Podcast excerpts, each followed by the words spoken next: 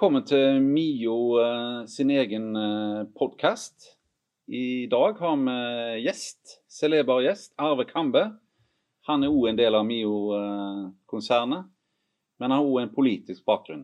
Og I dag skal det handle litt om politikk, og selvfølgelig om BPA. Og litt rundt grauten, som det heter. Så Arve Kambe, fortell litt. Når var det du første gang hørte begrepet BPA? Det hørte jeg eh, når jeg var stortingsrepresentant. Eh, jeg satt på Stortinget for Høyre i 2009 til 2013 og 2013 til 2017. Så jeg var faktisk med når Stortinget lovfesta retten til brukerstyrt personlig assistanse fra 2015 av. Og ikke minst årene før. Den jobben som, eh, som en hel haug med aktører foreldre, funksjonshemmedes organisasjoner, gjorde for at eh, myndighetene skulle skjønne at eh, brukerstyrt personlig assistanse den måtte lovfestes, og ikke bare være opp til den enkelte kommune. Altså Høyre, hvordan har deres rolle vært i denne her prosessen her? For, hvis du klarer å være litt sånn eh, nøytral nå. Ja, ja, ja. Det var akkurat den innfallsvinkelen jeg tenkte, tenkte å ha. Eh, jeg tror BPA ikke har vært noe sånn partipolitisk eh, standpunkt. Det er altså brukerstyring ellers for eldre er jo et partipolitisk standpunkt. Men for, for målgrupper innenfor BPA, enten det er funksjonshemninger, Downs syndrom, CP, ME, MS, ALS, så har det på en måte vært en, en økende lite politisk motstand av at dette er diagnoser som uh, hele ordningen med BPA ja. Eh, sier seg sjøl for alle politikere at den må være brukerstyrt. Ja. Og hvis den skal være brukerstyrt, så betyr det at da skal ikke kommunen egentlig henge seg opp i så mye annet enn godkjenningen. Ja. Nei, Jeg husker sjøl jeg var med ut forbi Stortinget da, og demonstrerte, for det var jo på mange måter sannhetens øyeblikk. Mm.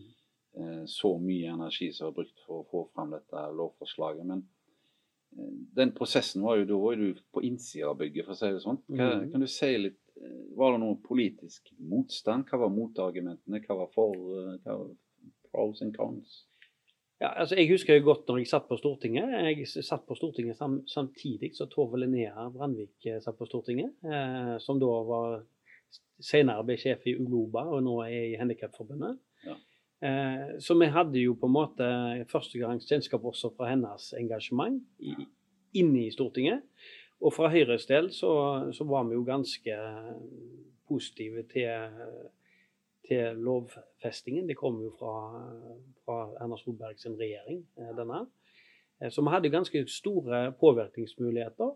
Vi fikk jo et enormt trykk fra Handikapforbundet, fra CP-foreningen, altså fra alle foreningene som mobiliserte skikkelig bra for å påvirke politiske myndigheter. Du vet jo at når noe skal lovfestes i Norge eh, som en rettighet, så kommer jo ofte kommunene og er skeptiske. Hva skal dette koste, sier en kommune. Men Stortinget bare sier dette er en individuell rettighet. Dermed så var det jo alltid en diskusjon om hvem som skal betale for rettigheten. Eh, og det er jo selvsagt kommunene. Eh, fordi det er et kommunalt ansvar å ha dette. Eh, så dermed så var det en viss motstand fra kommunesektoren. Ikke partipolitisk, men som, som representant for kommunene. Eh, og den ser vi jo allerede i dag, at det er jo en altfor stor variasjon i hvordan kommunene praktiserer brukerstyrt personlig assistanse. Jeg tenker jo det at De så jo det etter lovfestinga. Så skjedde det jo ingen økning i vedtak. Og det var egentlig litt sjokkerende. Alle trodde jo at nå kommer alle disse som har behov, og søker og, og, og får vedtakene sine godkjent. Og det skjedde ikke. Så kom dette her berømte rundskrivet til helseministeren, mm. Bent Høie. Mm. Uh, og, og, selv tross det, uh, så er det jo relativt få uh, som egentlig får, får vedtakene sine gjennom i kommunen. Hva tenker du rundt det? Ja, altså Helseministeren hadde vel to rundskriv som man måtte sende ut. Først sendte han et rundskriv som man forventa skulle ha en effekt. Og så gikk det tid, så kom det et nytt rundskriv som purra på en måte på det. Og det er vel sånn i dag at eh, maks en tredjedel av de som eh, er målgrupper for BPA, har BPA.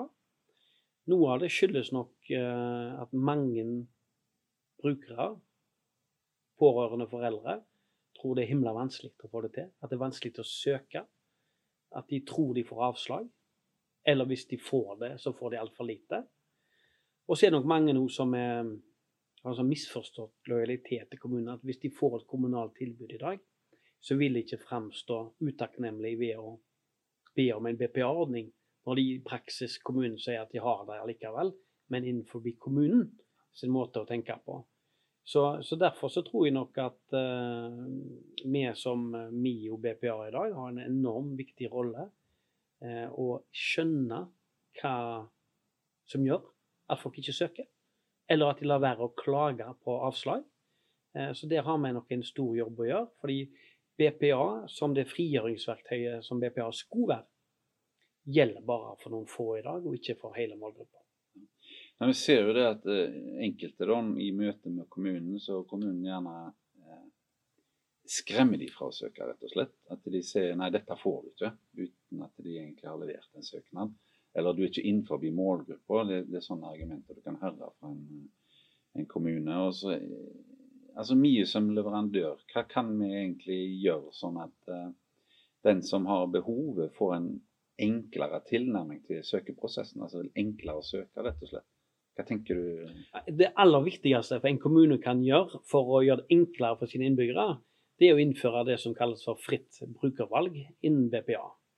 F.eks. sånn som MIO BPA. Vi er godkjent i over 100 kommuner i Norge. og Dermed kan vi hjelpe eh, brukere og pårørende foreldre verger til, til, å sende søknader, bistå med klager på søknader. Har ikke vi konsesjon til å gjøre det, eller andre aktører heller, så det er ingen som kan hjelpe dem. Annet enn kanskje Handikapforbundet eller, eller, den foreningen de er medlem i, eller de sjøl. Mange bruker jo tusenvis av kroner på advokater. Mens f.eks. hvis de istedenfor å ringe MIO BPA, så gjør de det gratis. Ja, det var jo en, en viss eh, skal vi kalle det arbeiderpartipolitikere nå nylig til media som uttalte seg om eh, fritt brukervalg. At den enkelte skal ikke oppleve det å måtte si opp folk. Og sjøl eh, vi som har erfaring da, eh, som vedtakseier, det må vi gjerne forklare det begrepet. at Hvis du har fått et vedtak på BPA, så er du en vedtakseier. Det er jo ikke sånn at hvis vi bytter leverandør, så må så kan vi si opp noen eh, assistenter. Hva er det egentlig Arbeiderpartiet har misforstått der, tenker du? Jeg tror nok eh, det først og fremst uh, uttalelsen fra Støre var nok for, i forhold til fritt brukervalg for hjemmebaserte tjenester og praktisk bistand for eldre.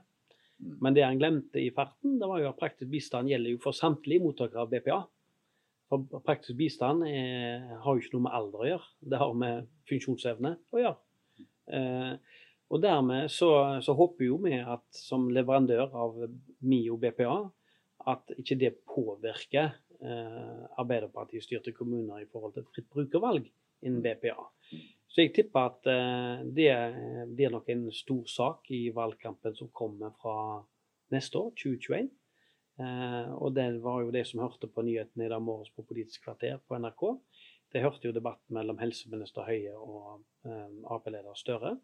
Så det er nok en diskusjon som, som er der. Jeg tror det vil hjelpe eh, alle som i dag ønsker BPA, fordi at du får et helt nytt fokus som folk flest blir eh, enige Eller kanskje blir enige om det.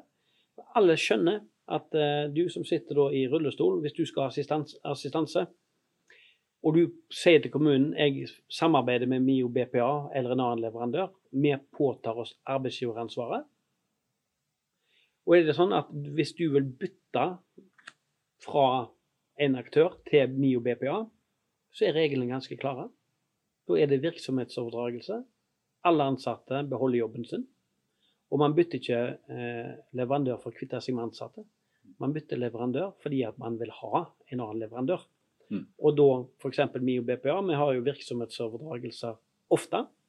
Enten det er fra Uloba eller andre. Og da tar vi med oss de ansatte og sørger for at man har ei lik lønn. Så på en måte da er det uttalelsen som bare ren og skjær eh, faktafeil? Jeg tror det er viktig at eh, politikere som uttaler seg, skjønner hva de uttaler seg om. Eh, og da har vi som en aktør eh, et ansvar for å gi informasjon. Vi kan f.eks. invitere lokalpolitikere, sentrale politikere, til kontorene våre eller til hjemmene til våre kunder. For å rett og slett vite og vise hvordan dette faktisk er i praksis. Ja. Og så er det jo sånn som det er. altså Hele poenget med BPA er den brukerstyringen. altså Hvis du vil gå på FKH-kamp, Ja. så forteller du i dag med brukerstyringen at på søndag klokka fem til åtte så vi, skal vi på FKH-kamp. Mens er du på en kommunal ordning, så kan gjerne kommunen si beklage i, i, på søndager på det tidspunktet, så er ikke vi på jobb. Eh, og dermed så har det et godt, tror jeg, et godt eksempel som vi alle sammen kan, kan bruke når vi, når vi skal pedagogisk forklare forskjellen på assistanse og brukerstyrt personlig assistanse. Vi var ikke langt inn i samtalen her før du måtte spore den på fotball. ja, det er, jo, det er jo det som er kjekt for meg, i hvert fall. Jeg har en annen uh, fotballmetafor til deg. Ja. Uh, altså, Det er jo uh, en av de aller største kommunesammenslåingene som finnes i dette landet, som har bestemt seg for veldig få aktører innenfor BPA. Eh, og det blir litt sånn at hvis vi skal si her på Haugalandet, da, det er bare lov med fire lag. Fire fotballag. Mm. Hva tror du det hadde gjort med fotballen her på Haugalandet hvis det var lov med bare fire? Nei, det er jo helt eh, Det er en god sammenligning for øvrig. Det er at eh, jeg tror de kommunene som sier at det er bare et visst antall bedrifter eller leverandører som skal få tilby tjenester til sine brukere som med ulike funksjonshemninger, det er jo egentlig helt på trynet. Fordi at eh, noen spesialiserer seg på ja, brukere med kognitive vansker. Diagnosegrupper. diagnosegrupper. Det kan Ja. være ME, det kan være MS, det kan være ALS. Det kan være eh, rullestolbrukere. Altså, Ja. Det er jo et så ekstremt mangfold. Ja. Og noen av de er flinke, og noen mener jo at eh, hvis du har helserelaterte ytelser i tillegg til BPA, så skal du på en måte noen, Da er det noen leverandører som ikke vil på en måte tilby den servicen. Så det er på en måte at du fratar den brukerstyrte personassistansen muligheten til å ta, ta reelle valg. Ja. Det er jo helt latterlig. Du kan bare tenke deg hvis du har en aktør i dag som du er veldig fornøyd med, og så skal du flytte fordi at din livssituasjon endrer seg. Fordi du skal bli student, fått ny jobb, blir skilt, whatever. Ja. Eh, så plutselig da, så vil ikke den andre aktøren eh, være godkjent i den nye kommunen din.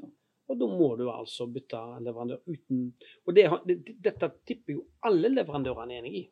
Fordi at eh, Det er ikke de som vinner. Nei, nei, nei men, men jeg tenker i sum så vil det gå utover alle. Altså Du Ja. vinner den ene dagen, så taper Ja, ja. du en den andre dagen. Og det er ikke det som er poenget. Poenget er jo at det er brukeren som skal bestemme hva leverandør det er. Kommunen skal godkjenne vedtaket du får, og skal de godkjenne at den leverandøren du ønsker, er flinke. Og godkjent innenfor skatt, avgifter, har gode eh, forhold for sine ansatte, gode brukerundersøkelser, og at alt er tipp topp shape. Mm. Og er det, er det det, så er det jo opp til den enkelte å velge. Men det er jo en annen faktor når det er få leverandører, så det er ofte de største som vinner fram. De aller største. De er på toppen. Og hva gjør det da med en hel bransje hvis de minste aldri slipper til? Hva tenker du rundt sånne ting? Ja, det er jo et brudd på egentlig på alt det, som Norge ellers står for, med at du skal kunne starte virksomhet for deg sjøl, og sakte, men sikkert bygge deg opp. Kanskje du vil ha et lokalt BPA-selskap, kanskje du vil ha et nisje-BPA-selskap, og så plutselig skal du få hamra i hodet at nei, du må være blant Norges fire største, ellers får du aldri tilby tjenester. Én ting er at det er, det er ikke bra for konkurransen i markedet. Men det er jo heller ikke bra for eh, den enkelte som har lyst til å starte egen virksomhet, eller eh, flytte på seg, eller den type ting. Så eh, for skal det være et reelt brukervalg, så må det jo være noen å velge mellom. Og et reelt brukervalg er jo noe annet enn kommunen eller to-tre andre. Men du, du er jo tidligere politiker, så du svarte jo ikke på spørsmålet mitt. Prøv igjen, da. Ok, Hvis vi kutter det til to lag her lokalt Ja. Du får lov å ha to lag. Hva tror du skjer med fotball på Haugalandet hvis det var bare lov å spille på to lag? Resten de slipper aldri til på en fotballbane. Ja, det er Underskogen forsvinner jo. Altså De nest beste og, og de som er ungdommer og andre, de vil jo aldri komme seg opp på fotballagene. Og Sånt er det jo på, på, en måte, på, en annen måte, at hvis du alltid får beskjed om at du er litt for liten, så får du aldri muligheten til å bli stor. Eh, eller mellomstor. Og dermed så synker jo ja, hele livsgnisten hos folk i forhold til jobb eller i forhold til eh, fritidsaktiviteter. Men drar du parallellen inn i, dette, så kveler du på en måte brukervalget. Eh, og gjør kanskje at ingen gidder, og kanskje til slutt gjør sånn som de alltid har gjort. Vi velger kommunen, for det er tryggest. Ja, Så det er egentlig en måte å drepe en bransje på? Ja, det tror jeg. Ja. Ja, Apropos det. altså Nå er det jo et uh, BPA-utvalg som skal se på hele ordningen. Når man er forankret rett lovgivning, uh, hvor framtida egentlig bør gå. Jeg vet ikke om du har fulgt den prosessen nøye. Men hva, tenker du, er det en god ting at vi får en revisjon på hele ordningen? Ja, MIO BPA vi er jo en av de store leverandørene av BPA i Norge. Og vi er medlem i NHO. Eh, og NHO sin Torbjørn Furulund Eh, er jo et av medlemmene i dette BPA-utvalget. Så Der har jo vi fra MIO BPA en stor påvirkning på hva NHO skal mene, rett inn i utvalget. Eh, så jeg tror at blant bl.a. så har de jo sett på dette med om du skal miste retten til BPA bare fordi du er 2060. Den har jo regjeringen tatt tak i allerede. Vi vil se det i forhold til om det skal være helse- og omsorgsytelser i BPA eller ikke vi får nok et enda større fokus på om kommunene gjør jobben sin.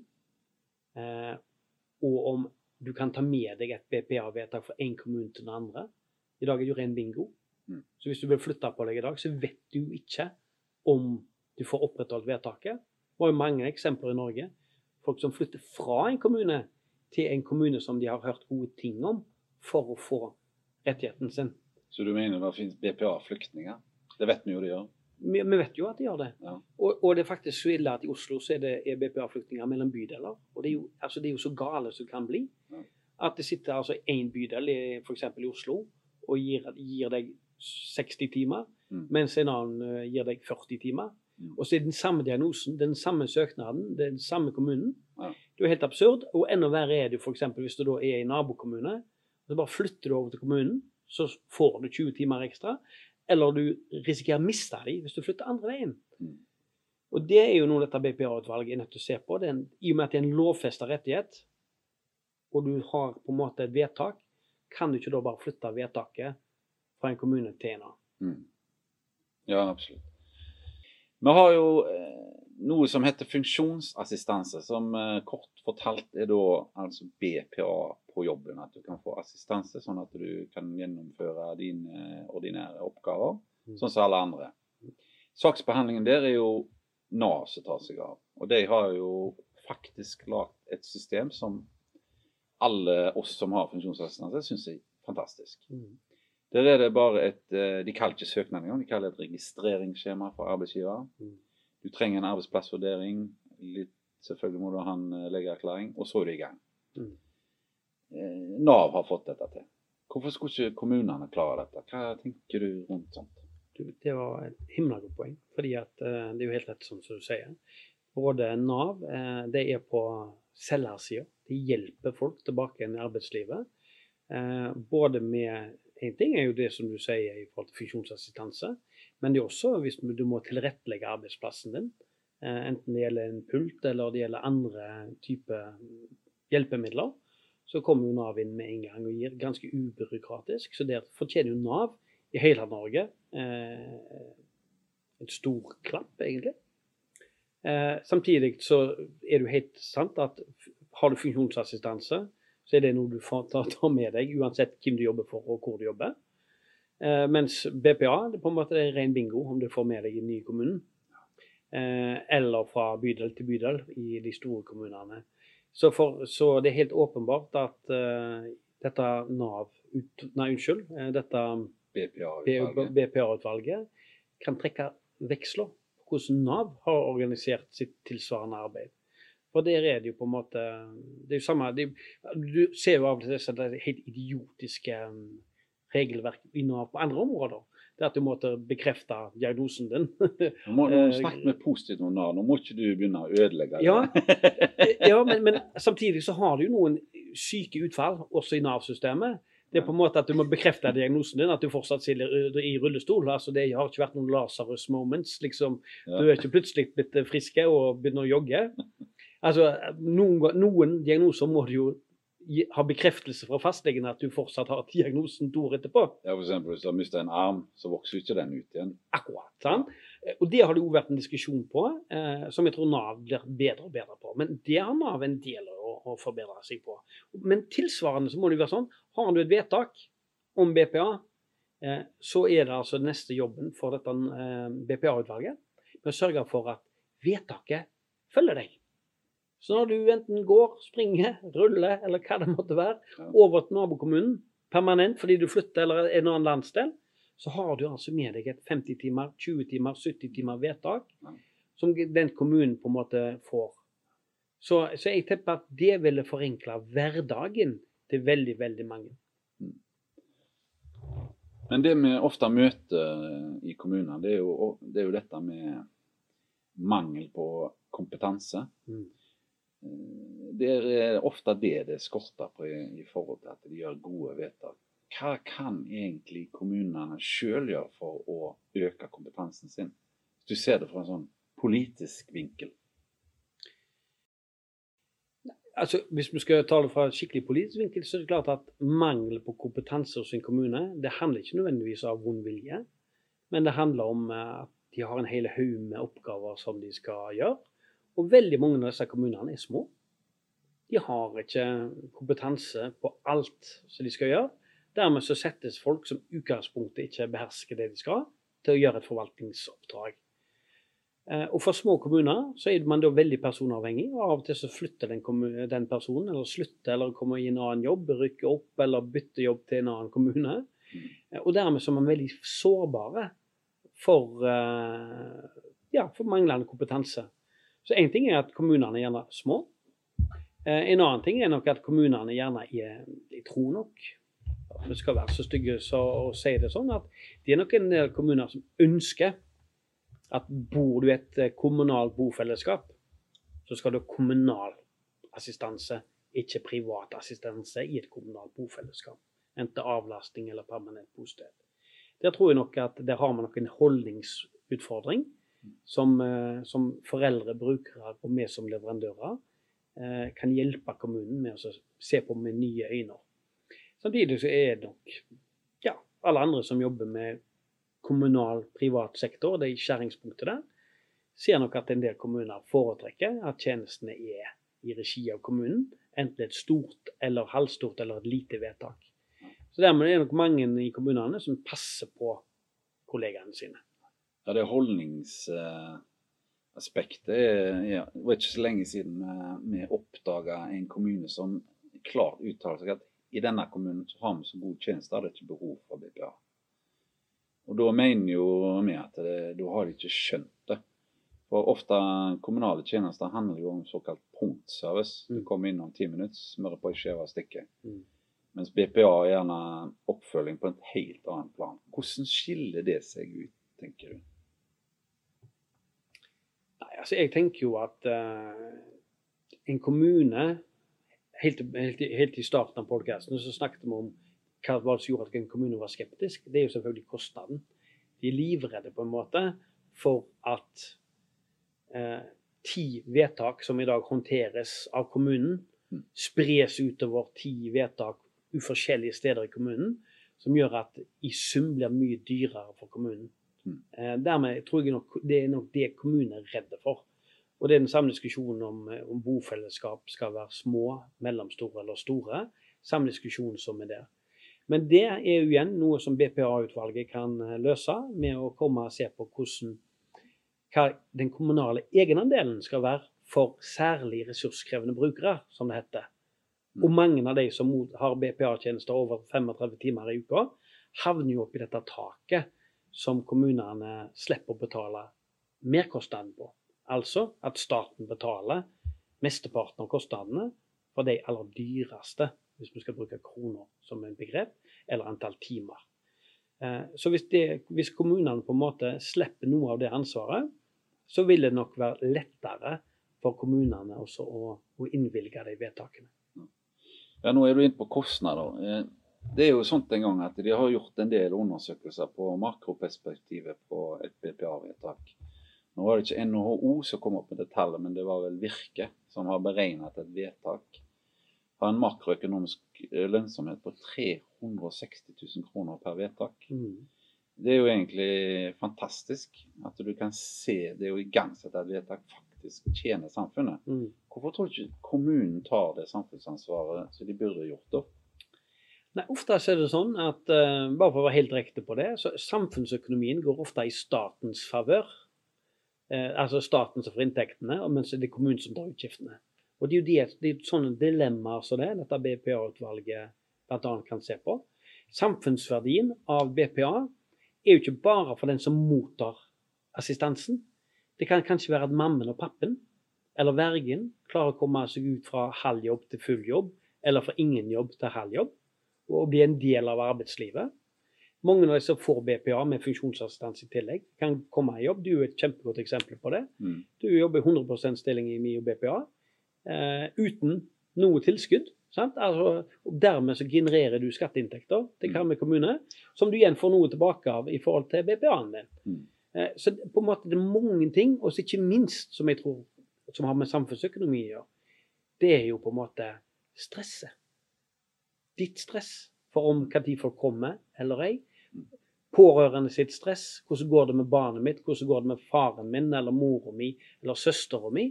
At de vet på en måte at de har det bra, har det bedre, Mm. så godt de kan få det. Eh, Hvis de har den tryggheten, så får du en samfunnsøkonomisk verdi som langt overstiger den kostnaden kommunen har. Og gjerne at du da lar være å etterspørre mer kommunal hjelp, hvis du f.eks. hadde hatt et kommunalt tilbud allerede. Men det er underforstått du sier litt om her, da, er det at hvis vi hadde ordna pengestrømmen eh, på en annen måte, så hadde det vært lettere for kommunen å se det? At rett og slett staten kom mer på banen i forhold til refusjonsordninger på BPA-vedtak og Ja. slike ting? Ja, fordi staten er jo på banen med, med, med Nav i dag, med funksjonsassistanse. Eh, staten er på banen med, med dere På et visst tidspunkt så betaler staten 85% av BPA-kostnadene til en kommune. Man kan se på innslagspunktet der, man kan se på prosenten der. Men det aller viktigste tror jeg er at vi innfører på en måte en, at du kan ta vedtaket med deg hvor som helst. Har du fått et vedtak av BPA, gratulerer. Hvis du er fornøyd med det, enda mer gratulerer. Men når, når du har fått det, kan du flytte. Hvis du tar på deg eh, høyrehatten nå, sammenfaller det du nettopp sa nå med Høyres politikk? Ja, derfor, det, er jo derfor det var så lett for Høyre-regjeringen og Erna Solberg-regjeringen og Bent Høie som helseminister og ansvarlig BPA-minister å innføre den lovfesta retten. Nå ble jo den enstemmig vedtatt i Stortinget, eh, men jeg mener jo dette er en god politikk som tar enkeltmennesket og familien på, eh, på alvor, eh, og som sier at OK, eh, systemet skal ha systemansvar, men hvordan man velger å legge til rette for sin diagnose i sin familie, i sin kommune og i sitt hjem, Mm. det, må jo, det må jo være opp til den enkelte familie å løse sjøl. Jeg tenkte vi kunne se litt i glasskula. Altså, la oss si nå dette BPA-utvalget sitt arbeid fører fram og får en eh, ny politisk hverdag for alle de som har behov. Hva tenker du blir framtida? Hva er den ideelle situasjonen for oss som da har behov for BPA? Hva er det beste? At man vet at uh, har man behov for assistanse, så kan man få det brukerstyrt uh, ved å søne, sende en søknad til kommunen. Altså det er lettere å sende søknad. Lettere å få hjelp av oss som MIO BPA som leverandør. Lettere i forhold til klagebehandling. Lettere å ta med seg et vedtak hvis du allerede har fått det, og beholde det hvis du allerede har fått det. Eh, og at staten tar en større andel av det økonomiske ansvaret, som gjør på en måte at frykten til kommunene blir mindre, og rettigheten blir stort. Eh, rettighetene er gitt av staten. Staten må kanskje ta et større ansvar enn hittil eh, for å sørge for å hjelpe kommunene til det. Det tror jeg er noe av nøkkelen. Brukerstyringen er der. Eh, organisasjonene gjør en fantastisk jobb på vegne av sine medlemmer. Eh, og så må kommunene på en måte gjøre noe med det. Og jeg tror at hvis kommunene på en måte får litt klarere føringer Mm. fra staten, enda klarere enn i dag Hvor klart kan det bli? Nei, vet du, nei, hvis du ser i dag, så to tredjedeler av de som er målgrupper for BPA, har ikke BPA. Eh, en, altså, det er jo bare mindre enn halvparten av norske kommuner som har fritt brukervalg av BPA. Så kommunene må, må våkne. Lokalpolitikerne må våkne. Og eh, de som har BPA-vedtak i dag, eller har ønske om å ha det, må sette kanskje press på kommunene og politikerne sine i sin hjemkommune. Og vi som leverandører har en jobb å gjøre med å synliggjøre hvor bra det blir. Kan det være sånn i dag at kommunene driver lovbrudd i forhold til sin saksbehandling av BPA? Det er jo veldig vanskelig å se om de bedriver lovbrudd, for altså skjønn er jo ikke nødvendigvis Altså uenighet er ikke nødvendigvis et lovbrudd. Uh, lovbruddene er event eventuelt på forvaltningsloven og den type ting. Uh, men jeg tror nok at det er nok mange kommuner som lever godt med at folk ikke kjenner rettighetene sine, eller at folk lar være å følge opp rettighetene sine, eller tenker det er et ork å følge opp rettighetene sine. Der er MIO BPA og våre ansatte rundt omkring i Norge en viktig medspiller til å sørge for at retten til BPA er jo en plikt for kommunene å tilby. Og ikke bare tilby et lite antall timer, men et reelt antall timer, sånn at man faktisk får muligheten til det. Nei, for, for oss som, eh, som en aktør, så er jo Vestre Viken-anbudet et godt eksempel eh, på at kommuner tar seg til rette. At de som utarbeider et regelverk, eh, ikke har satt seg inn i hvordan hverdagen er for de det gjelder. Men de tror at det er sånn. Og så tenker de at det er lettere for en kommune å ha fire aktører enn 15 aktører. Så glemmer de da hele poenget med BPA. Det er jo ikke kommunal styring av leverandører. Det er en brukerstyrt styring av leverandører. Og når de da setter et tak på fire, så er det et så alvorlig inngrep i valgfriheten til enkeltmennesket at det går utover så mange. Og Hadde det vært to-tre kommuner, OK. Men dette er altså Norges største anbud innen BPA. Og så gjør man det til det Norges kjipeste anbud på BPA. Det holder ikke noen steder. Ja, så er det jo sånn at vi følger da søkeren fra de tar kontakt til vi gjennom hele prosessen. Så på mange måter så slipper de å gjøre dette alene. Ja, altså, og får de nei altså, Jeg tror det, er veldig mange som sender en søknad som er eh, Selvfølgelig de lurer på hvordan de skal gjøre det. Vi og BPA vi sender søknader ukentlig. Vi får eh, ukentlig ja fra kommuner. Vi får ukentlig delvis ja fra kommuner, og vi får ukentlig delvis nei fra kommuner. Men de som velger oss til å lage en søknad for det, at vi og BPA sender Glemte, søknad du glemte, Ja. en kategori der. ja, får hun helt nei. Helt nei, ja. Glem det. Eh, da skal de ha på en måte en trygghet. At får de nei, eller eh, får ikke det vedtaket de trenger, Mm. så sender ikke vi en regning til dem. Da er det et arbeid vi har gjort gratis for dem. ja. Eh, for vi, vi er på en måte Vi er jo et selskap som er Du må jo ha lønn når de ord. Ja. Eh, men vi tenker at de som vi hjelper, de forhåpentligvis velger oss når de har fått vedtaket sitt. Eh, og så er det jo sånn som det at eh, vi vet jo aldri, men det er jo vår jobb da på en måte å rådgi dem. Er BPA noe for deg? Hvis vi mener at det er noe for deg, så påtar vi oss ansvar å sende søknaden og utarbeide søknaden sammen med deg. Og det er jo ikke noe enkelt. Det er som Håvard Ravn Ottesen sier, det er at du blottlegger jo livet ditt. Han Det må ikke- forklare. Ja. Ottesen er jo, er jo en av oss. Han er jo da Trondheims store mann og Mm. ansatt i B- B- MIO. Mm. Ja. Ja, altså det å sende en søknad om BPA, liksom hvor du skal fortelle hva tid du står opp, hva du trenger hjelp til når du skal på do, hva du trenger hjelp til når du skal kle deg, når du skal spise, hvordan du skal spise, hva du skal spise, hvor ofte du skal gjøre det, hvor lenge du skal gjøre det, hva tid du skal ut dørene. Jeg skal si deg en ting. Det er på det nivået at det ikke bare de spør hvor ofte du går på do, men de spør hvordan går du på do. Ja. Tenk på den. Ja, og for mange så er nok det så ubehagelig at de ikke orker å ta tak i det. Mm. Eh, og dermed så kan det jo kanskje være greit at det blir litt lettere for oss. For når, når vi har gjort dette nå noen hundre ganger, så har vi på en måte vi vet på en måte Mm. Selv om vi ikke vet akkurat dine spesifikke behov, så vil, vil vi anta på en måte at noe er, ligger til grunn felles. Mm. Eh, og så vil man jo ha en samtale enten på Teams, telefon, e-post eller personlig møte. Så vil man på en måte få det, den informasjonen som kommunen trenger for å gjøre et godt vedtak. BPA trenger ikke være vanskelig. Vil du vite mer? Besøk oss gjerne på miobpa.no.